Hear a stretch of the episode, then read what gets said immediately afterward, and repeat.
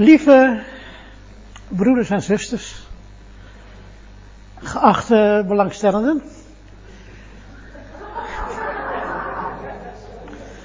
Mijn onderwerp van vanmiddag is concordant vertalen. Wat is eigenlijk vertalen?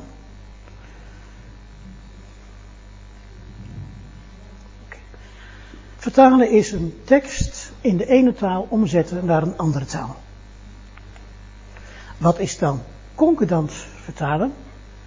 Als je in een vertaling een bepaald woord uit de vertaalde tekst steeds met hetzelfde woord weergeeft in de taal waarnaar je vertaalt.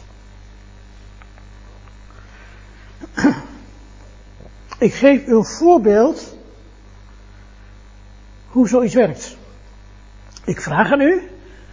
Uh, is dat het voor? Nee. Kijk.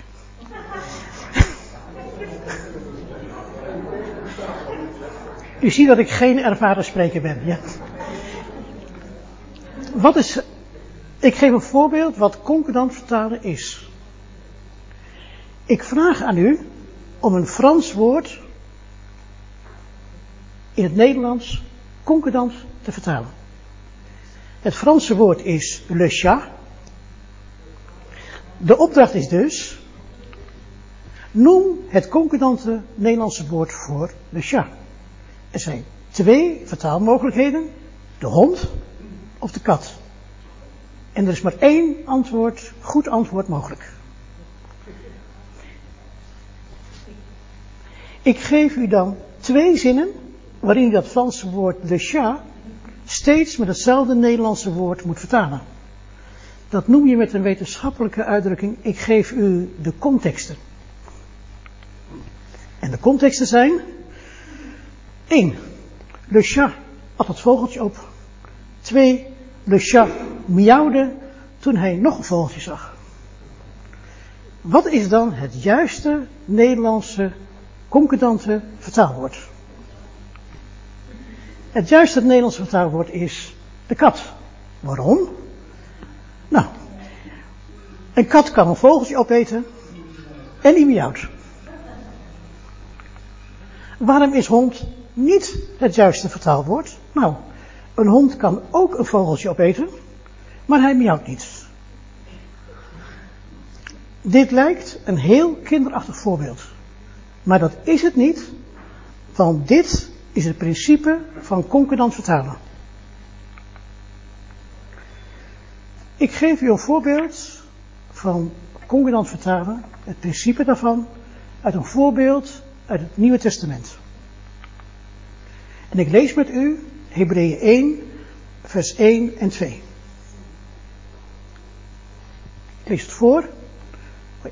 Nadat God eertijds vele malen en op vele wijzen tot de vaderen gesproken had in de profeten, heeft hij nu in het laatste dagen tot ons gesproken in de Zoon, die hij gesteld heeft tot erfgenaam van alle dingen, door wie hij ook de wereld geschapen heeft. Mooi hè? Ja, maar dat staat er niet. Er staat iets anders. Laten we dat samen eens bekijken. Wij gaan naar het tweede deel van vers 2. En dan gaat het mij om de onderstreepte woorden. Door wie hij ook de wereld geschapen heeft. We kijken nu naar het ISA-programma. En dan ziet u diezelfde woorden weer onderstreept. Door wie hij ook de wereld geschapen heeft. En u ziet hier daaronder een Grieks-Nederlandse interlineair met NBG-vertaling erboven. Want het Nieuwe Testament is oorspronkelijk in het Grieks geschreven. We gaan dus nu woord voor woord bekijken wat er in de grondtekst in het Grieks geschreven staat. En of die betekenis in het Grieks ook goed in de NBG-vertaling weergegeven is. En dan zien we drie woorden. We zien staan Epoiesen tous ionas. De MBG vertaalt het met door wie hij ook de wereld geschapen heeft. Laten we eerst naar het eerste woord kijken, het woord epoiesen. Het woord epoieso komt van het werkwoord poieo. Volgens de studiebijbel betekent epoiesen 1. Maken en 2. Doen. Het woord poieo komt 568 keer voor in het Nieuwe Testament. Poieo wordt 566 keer met maken of doen vertaald, of met een idiomatische variant ervan. En poieo wordt twee keer vertaald met scheppen, in Hebreeën 1 vers 2 en Hebreeën 12 vers 27. Het Griekse woord ketizo komt, komt 15 keer voor in het Nieuwe Testament. Ketizo wordt in alle keren, dus 15 keer, door het NBG vertaald met scheppen. Ketizo is, is dus in alle contexten scheppen. En poieo is in twee keer van de 568 keer ook vertaald met scheppen. Nu gaan we ons gezond verstand gebruiken. Ja? Ketizo is altijd scheppen. En poie is dus niet scheppen, maar maken. Eén ding weten we nu.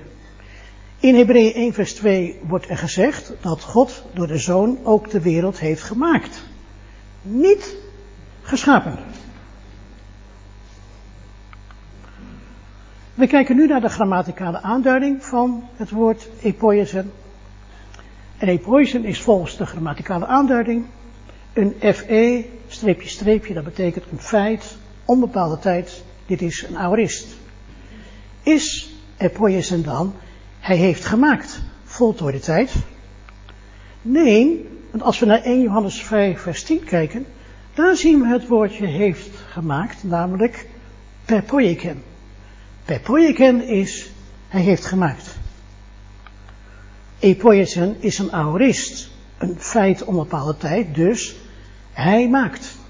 Wij vullen nu de juiste woordkeuze in, hij maakt.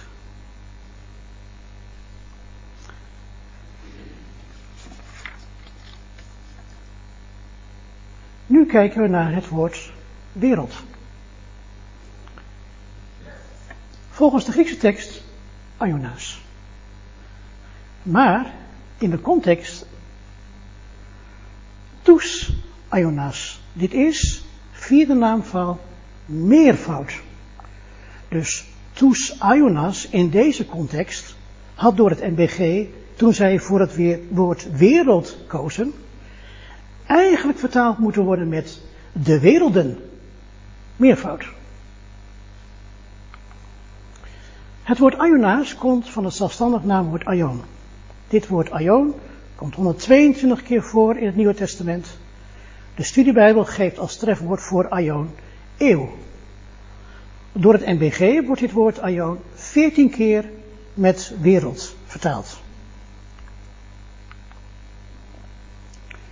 Het Griekse woord kosmos komt 186 keer voor in het Nieuwe Testament. Het wordt door het NBG 183 keer met de wereld vertaald, één keer met sieraad en, één keer, en twee keer met aardse.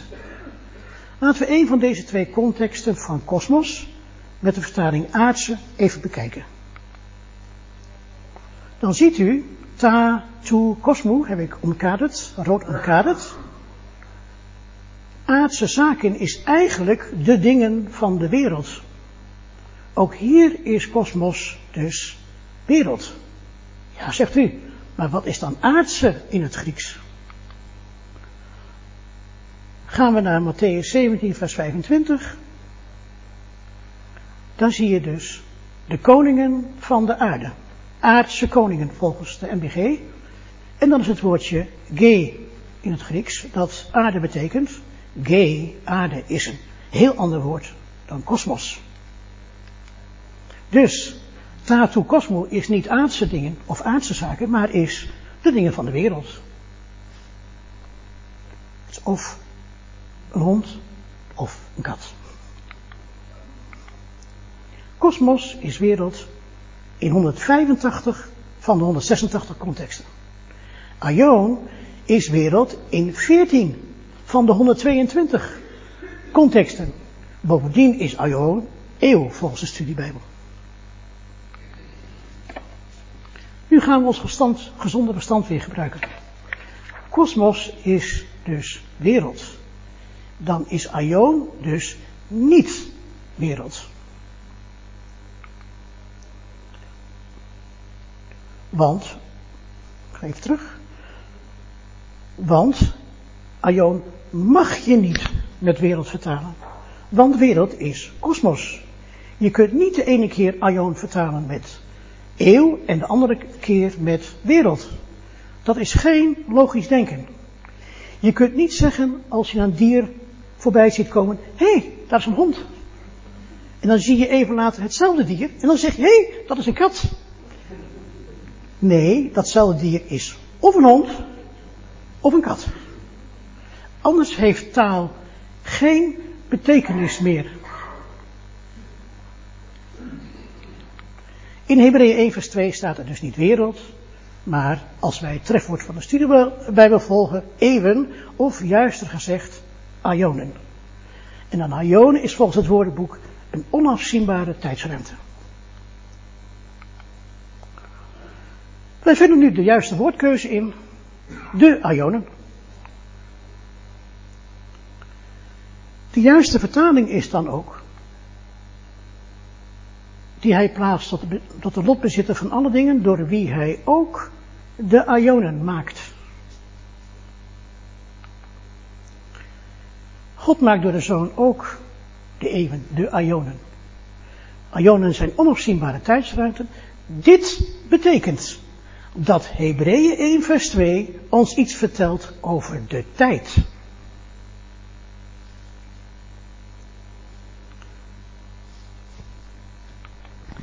Wij stellen vast dat de vertalers van de MBG in hun vertaling van Hebreeën 1 vers 2 met drie Griekse woorden vier fouten hebben gemaakt. Eén keer is het enkelvoud gebruikt in plaats van het meervoud. Eén keer een verkeerde tijdsvorm en twee keer een verkeerde woordkeuze. De werkelijke betekenis van Hebreeën 1 vers 2 is daardoor in de vertaling verdwenen.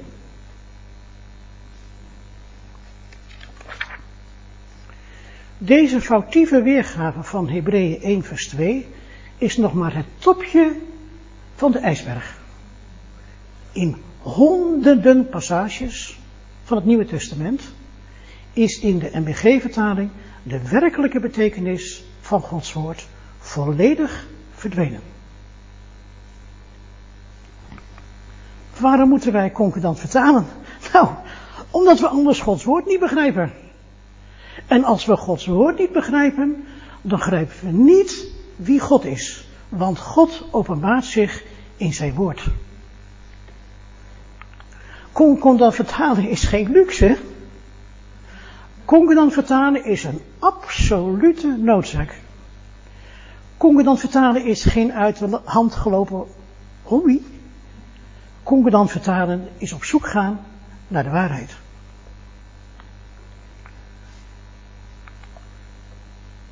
Concordant vertalen is een absolute noodzaak om Gods woord te begrijpen.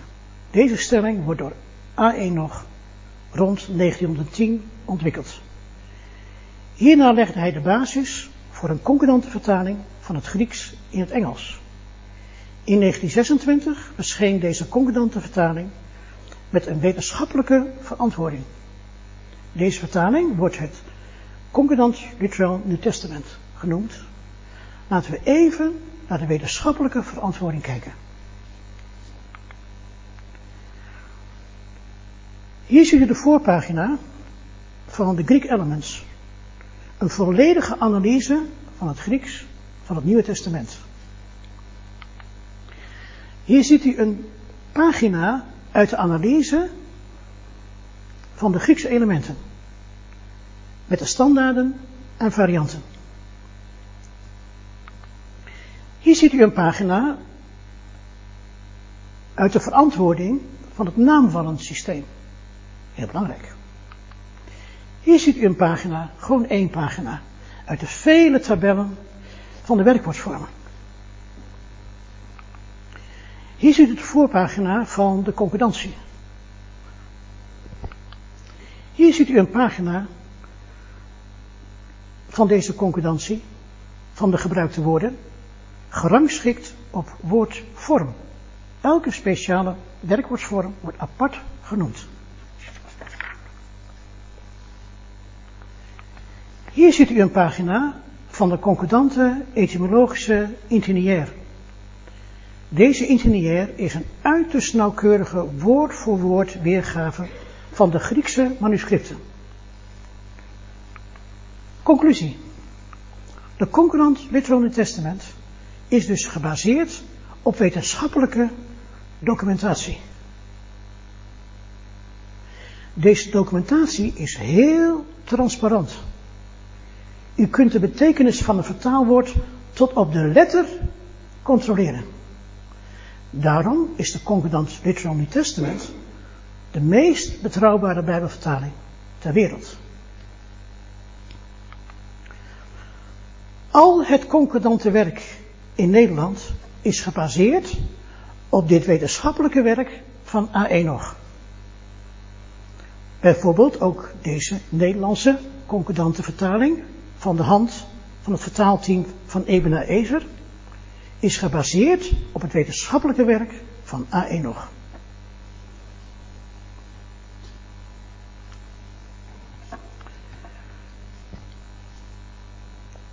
U volgt geen mythen, u volgt de wetenschappelijke documentatie. A. Enoch legt ook de basis voor een concordante vertaling van het Oude Testament. In de 30 en 40 jaren van de vorige eeuw werd er een etymologische Hebreeuws-Engelse intiniair gemaakt. Hier ziet u een pagina van deze etymologische intiniair.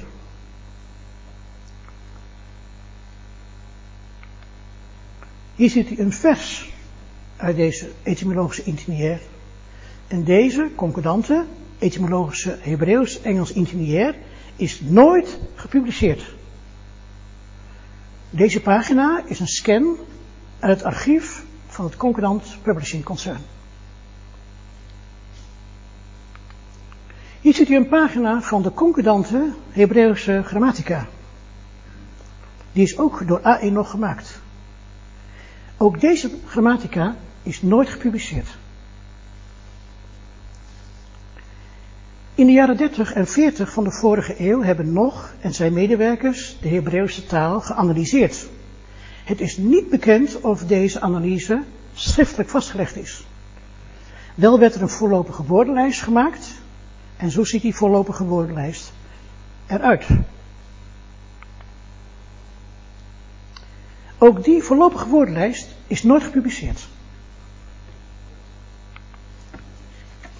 In 1965 overleed A.E. nog, de grondlegger van het concordant vertalen. Zijn naaste medewerkers namen het Hebreeuwse werk over.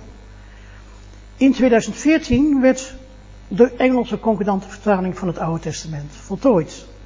Dus 50 jaar na de dood van Enoch. De uitgevers noemden deze vertaling de CVOT, de Concordant Version of the Old Testament.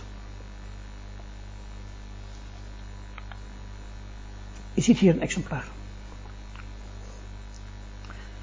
Deze vertaling werd vergezeld van een woordenlijst die digitaal te raadplegen is. Je ziet hier een voorbeeld. Nu gaan we even naar de CVOT zelf kijken. Je ziet hier een pagina uit de CVOT. De Concordant Version of the Old Testament. En dan ziet u iets opvallends. Ik heb ze voor u ook links geplaatst, dat u opvallend kunt zien. Het is namelijk in de tekst, in de Hebreeuwse tekst, heeft men gissingen gemaakt. U weet wat gissingen is? Je raadt, je denkt, het staat er niet, maar wij denken dat het er staat. En zij gebruiken hiervoor de Septuagint. Dat ziet u ook staan bij nummer 2. U ziet hier staan bij 40 vers 2 shelters. En in het Hebreeuws staat er dus dubbel. En er staan twee van die kringeltjes en dat betekent een volledige gissing. Een volledige gissing. Dan hebben ze ook bij 40.5 the salvation of Elohim, en in het Hebreeuws staat er together, samen, dan ziet u een zeventje, dat betekent de Septuagint, en dan zo'n dingetje, dus dat is een gissing op basis van de Septuagint. En dat geldt ook voor 40 vers 6. Deze gissingen zijn gebaseerd op de aanname dat de Hebreeuwse tekst niet goed overgeleverd is. En dan zeg je iets, hè? Dan zeg je dus dat Gods woord niet goed overgeleverd is. Dat zeg je dus eigenlijk. De gedachte is dan dat men met behulp van de Septuagint de Hebreeuwse tekst kan restaureren.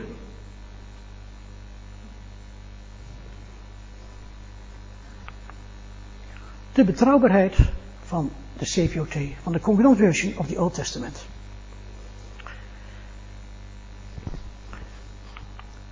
Rond 2015, nog niet zo lang geleden, ontstond er binnen het ISA-team, dat is de mensen die die interniairs maken, dat deze CVOT uit 2014 eigenlijk getoetst zou moeten worden.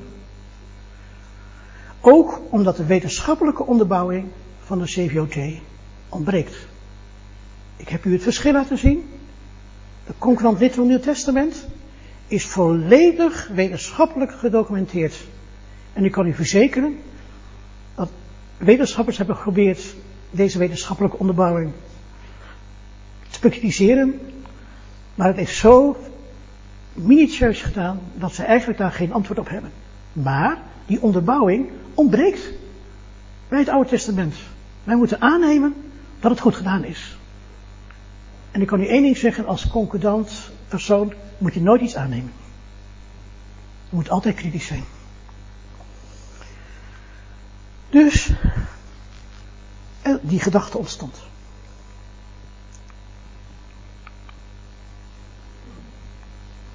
Impressie van de CVOT.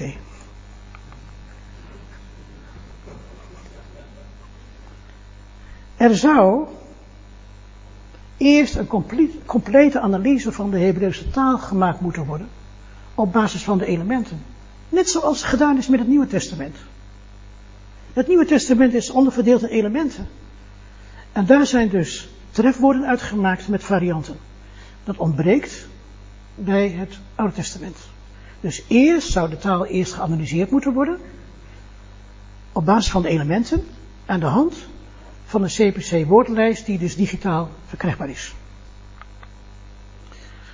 En dan moeten we dus beginnen met de elementen. Vervolgens zou er dan een concordante Hebreeuwse grammatica opgesteld moeten worden. Die is ooit gemaakt, maar nooit gepubliceerd. Hoe weten wij of het goed, grammatica goed gedaan is? Hoe weten we dat? Dat weten we niet.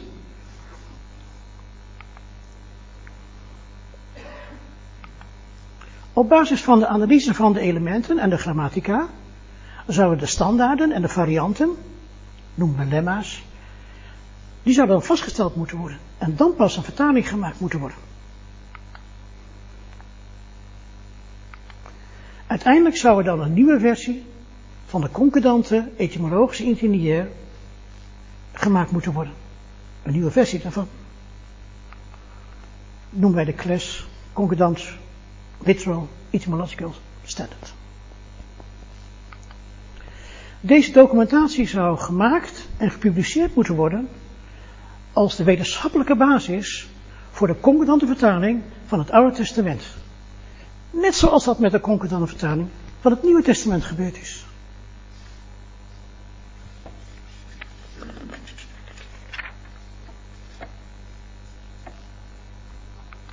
Een van de leden van het ISA-team, en ik kan zijn naam natuurlijk wel noemen, het is onze broeder uit Duitsland, die heeft deze onderzoekstaak op zich genomen. Deze evaluatie van het concordant Hebreeuwse werk noemen wij het project Hebreeuws.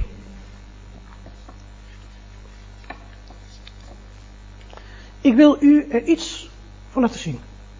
Iets. De onderzoeker van dit project, Gernot Vrij, wil benadrukken dat zijn werk voorlopig is. Het werk kan pas echt goed beoordeeld worden wanneer het helemaal klaar is. Dat lijkt mij ook fair en logisch. Maar ik wil u iets van laten zien. Dan gaan we bij de stelling van Genoot, wanneer je het Hebreeuws concordant bestudeert, moet je terug naar de basiselementen van de Hebreeuwse woordfamilies, terwijl je tegelijkertijd de wetten van de woordopbouw in acht neemt. Daarbij moeten we alle voorkomende plaatsen bestuderen. En als u weet hoe groot het Oude Testament is, is dat een verschrikkelijke taak. Ja? Maar bij ieder woord dat gebruikt wordt in die context, dus moet je bestuderen om de juiste idiomatische betekenis van dit woord te begrijpen. De basis voor de betekenis van de Hebreeuwse woorden is dus het gebruik van die woorden in hun contexten en de etymologische achtergrond van deze woorden. In de concordante vertaling van het Oude Testament, de CVOT, heeft men nagelaten om de etymologische standaarden zo nauwkeurig mogelijk op de trefwoorden van het origineel toe te passen. De idiomatische betekenis van een trefwoord heeft in de concordante vertaling van het Oude Testament vaak geen relatie met de etymologie. Dit kan niet. Het CPC heeft in het verleden geen diepgaande studie gemaakt van de Hebreeuws-Aramese elementen. Ook rekenen de vertalers veel te veel met de Septuagint, zoals gebruikelijk in die tijd. Daarom was en is het CPC, Concordant Publishing Concern, niet in staat om een etymologische interneer van het Oude Testament te publiceren. Dat hebben ze ook niet gedaan. Dat hebben ze niet gedaan. Waarom hebben ze dat niet gedaan? Omdat ze ergens wel voelden, die hebben geen analyse gedaan. Wat wij in de sheets, heb ik laten zien, een sheet is dan zo'n gescande pagina. Wat we in de sheets hebben is voornamelijk een voorontwerp, een schets. Het is dus een absolute noodzaak de elementen intensief te bestuderen. Dit is de echte basis voor het lemma, het trefwoord. Met het juiste lemma en een concurrente grammatica kan men een betrouwbare etymologische internier maken. En uit deze etymologische internier kan een betrouwbare en goed leesbare concordante idiomatische vertaling samengesteld worden. In feite zijn dus de elementen de basis van het concordante vertalingssysteem. Dat kun je in het Nieuwe Testament zien.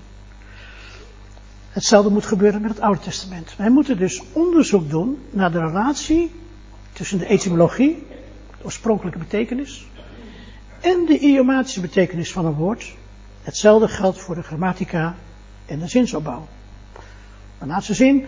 De elementen en de context zijn dus de twee pilaren van een juiste concordante vertaling. Dus de elementen en de context zijn de twee pilaren van een juiste concordante vertaling.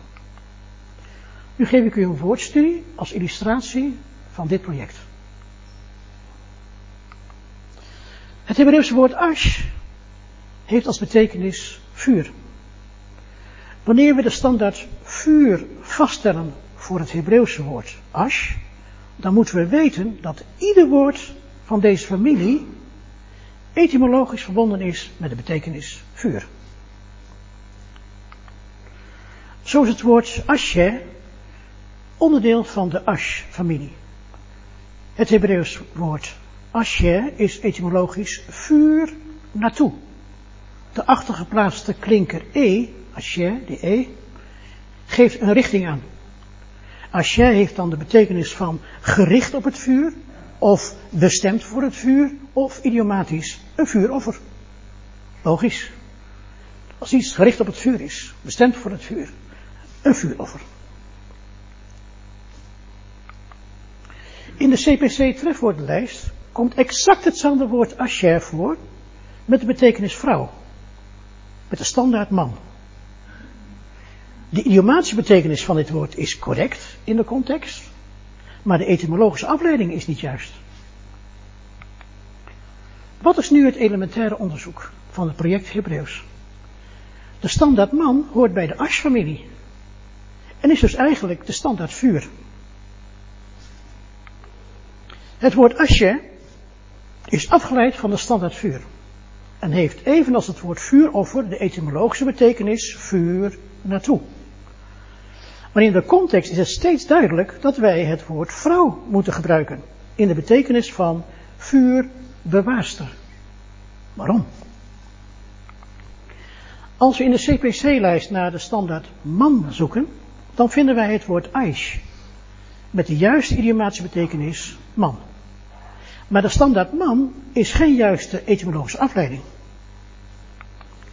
Het Hebreeuwse woord Aish is etymologisch vuurveroorzaker. Of hè, de ingeplaatste klinker i, Aish, geeft de causatieve vorm aan, de veroorzakende vorm. Ofwel een vuurmaker, met de idiomatische betekenis man. Conclusie. Het woord voor man en vrouw in het Hebreeuws is respectievelijk een vuurmaker en een vuurbewaarster. Is het Hebreeuws het oorspronkelijke taal of niet? Ja? Goed, ga je vet terug in de historie. Ja? Vuurmaker en een vuurbewaarster. Deze benadering kan idiomatisch gezien triviaal lijken. Leuk om te weten, maar verder niet belangrijk. Maar door consequent de etymologie te volgen, komt men belangwekkende ontdekkingen op het spoor. Zo is het Aramees een verwante taal van het Hebreeuws en wordt op enkele plaatsen in het Oude Testament gebruikt. Het element ash wordt zowel in het Hebreeuws als in het Aramees gebruikt en heeft in beide talen de betekenis vuur. Hier zit een passage uit Daniel 7, vers 11. Het Aramees is net zoals het, als het uh, Hebreeuws lees je dus van rechts naar links. En dan ziet u het laatste woord op de tweede regel, meest linkse woord. Asha, fire de. Het vuur. Vuur het. Want in het Aramees staat dit woord achter het woord. En bij het Hebreeuws staat dit woord voor het woord. Zelfstandig naamwoord. Dus hier staat het, het vuur. Dus ash is ook vuur in het Aramees.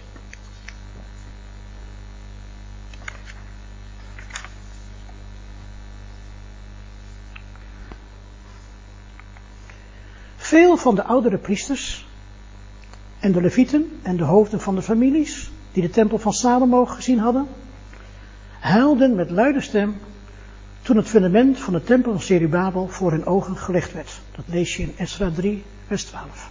Waarom? Niet alleen omdat de nieuwe tempel niet zo mooi was als die van Salomo, maar vooral omdat de nieuwe tempel gebouwd werd in de stijl van een fired brick tower in het Engels, een toren van bakstenen. Deze bakstenen toren is de letterlijke idiomatische betekenis van de zogenaamde fundamenten in Ezra 5, vers 16. Deze idiomatische betekenis, bakstenen toren, is afgeleid van de etymologische betekenis something caused fired, iets dat door vuur veroorzaakt wordt.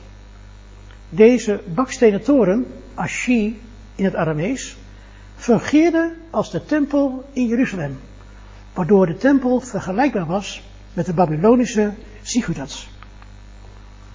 Hier ziet u de tekst uit, um, even denken, 5 vers 16, ja, uit uh, Ezra, Ezra, ja. En dan ziet hij dus twee dingen. U ziet dus het ene woord wat omkaderd was in de, in de eerste zin, daar staat he grants, oftewel hij verleent. En daar staat dus niet hij legde fundamenten, maar hij verleende niet fundamenten, maar de bakstenen toren. U kunt dat thuis op uw gemakje nazoeken als u dit nog eens een keer bekijkt, deze slide. Zo zag deze tempel eruit in Jeruzalem. Een bakstenen toren. Deze tweede tempel was inderdaad een treurig gebouw vergeleken met Salomo's glorieuze tempel. Ja? Zo zag die tempel eruit. Een bakstenen toren. Terwijl de tempel van Salomo van gehouwen stenen was. Of gesneden stenen zoals er eigenlijk staat, maar geen bakstenen. Daarom gingen de Joden ook akkoord toen Herodes de Grote voorstelde om de tempel te herbouwen. En de Joden wilden de tempel op dezelfde manier herstellen zoals zij veronderstelden dat hij was geweest. Zo dus. Dat is even iets anders. Hoeveel tijd heb ik nog, André? Hoeveel tijd heb ik nog? Hè? dank je, dank je Rob.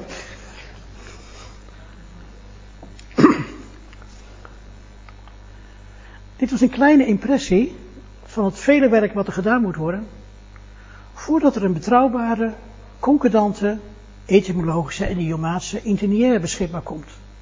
En dan kun je pas echt een vertaling maken.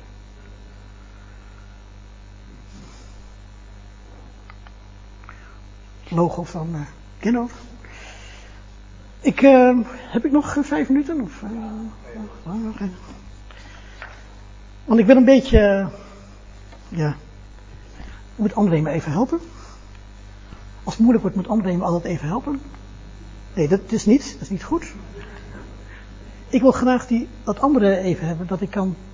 Ik heb, ik had twee bestandjes erop staan. Ah, oh, maar die heb ik niet overgenomen. Een geluidsbestandje, een, uh, jawel, die heb je toch overgenomen of niet? Ik dacht, één bestand overnemen. Oh, maar dat kun je toch heel makkelijk even doen, of, of kun je dat niet makkelijk doen? Mag ik even? Nee, mag ik even dat uh, geluid zien? Mijn, mijn, mijn sticky. Ogenblik. Het is de moeite waard. Het is de moeite waard om eventjes even te wachten. Ik praat, onder, ik praat ondertussen gewoon door, ja. Dan kan, kan André zijn werk gewoon doen. Let niet op André, let niet op André. U begrijpt hoe moeilijk en hoeveel dit werk is. Maar het is absoluut nodig. Want het is precies zo als je dus een Nederlandse vertaling leest, MBG, vertaling. Weet je al wat je leest? Nee, je weet niet wat je leest. Je denkt dat je weet wat je leest. Daar kan ik u dagenlang kan ik u daar eh, voorbeelden van geven. Ja? Want je denkt, nou maar een keer op. Ja? Zo geldt het natuurlijk ook voor het Oude Testament. U leest iets, maar het staat er gewoon niet. En dat is een onverdraaglijke gedachte, dat je dus Gods woord in handen hebt. Ja, dat is hem, dat is hem, dat is hem. Ja, oké. Maar mag hij al draaien? Nee, nog niet. Blijf het bestaan. Want dan is het gelijk, dat, uh, heb ik een getuige naast mij. Hè? Dus als u... Uh, ja, oké. als ik die afbeelding zie... Als, al, ik wil toch even, even zeggen. Uh, u, weet, u, kent Cicero, Cicero, beroemde staatsman en ook schrijver enzovoort, een wijsgeer. Die, die in de tijd van de Romeinen en die waren in oorlog met Carthago. En elke toespraak in het parlement eindigde hij altijd met dezelfde spreuk. Hij zei, ging niet wat, maakt niet uit wat over ging, het ging misschien over het afval, weet ik wat over ging allemaal. En dan zei hij altijd, en toch ben ik van mening dat Carthago verwoest moet worden. Dat, zei hij, heeft hij echt jarenlang heeft hij dat gezegd, tot het uiteindelijk ook gebeurd is. En ik ga nu, nou ja, een rassenuitspraak maar ik spreek toch met twee keer in het jaar. Na elke toespraak ga ik het volgende aan u zeggen. Want als ik die afbeelding van de tempel zie, dan heb ik steeds dezelfde associatie. Het gaat dan over de eindtijd. U weet, er is op dit moment heel veel te doen in de christelijke wereld over de terugkomst van de Heer. En ook over de wegrukking. Ja? En dan zegt u misschien, kom nou toch broeder, al die jaartallen uh, van de terugkomst, daar is in het verleden niks, niks van terechtgekomen. Dat is waar. Je hebt helemaal gelijk. Maar één ding mag u niet ontgaan. Dat ga ik dus elke keer zeggen tegen u. Als er een tempel in Jeruzalem gebouwd gaat worden, dan moeten bij u alle alarmbellen afgaan. Want dan treedt het bijna onwaarschijnlijke scenario in werking. Het scenario dat al meer dan 2000 jaar geleden met grote precisie voorzegd is. De offerdienst in Jeruzalem zal gesteld worden en precies 3,5 jaar later zal die offerdienst plotseling afgebroken worden. Er zal dan een afgodsbeeld op het tempelplein opgericht worden. Op dat moment, of vlak ervoor, zal de uitgeroepen vergadering, de Ecclesia, het lichaam van Christus, weggerukt worden. En dan begint de grote verdrukking. Volgens het Tempelinstituut in Jeruzalem zal er binnen afzienbare tijd een tempel in Jeruzalem gebouwd worden. De tekeningen en de maquetten van die tempel zijn in Jeruzalem, in het museum in Jeruzalem, van het Tempelinstituut te bezichtigen. De meeste gebruiksvoorwerpen, priestergewaden, offerbenodigdheden, liggen al lang klaar. En een grote groep Joodse vrouwen is bezig het enorme voorhangsel voor de tempel, zo'n 20 meter hoog, te weven met de voorgeschreven kleuren. Alles lijkt al in de startblokken te staan. Het lijkt niet al te lang meer te duren en het schijnt dat de kinderen daar allemaal voorgevoel voor hebben. Ja, mag ik- Daar mag je starten. De kinderen hebben daar allemaal voorgevoel van.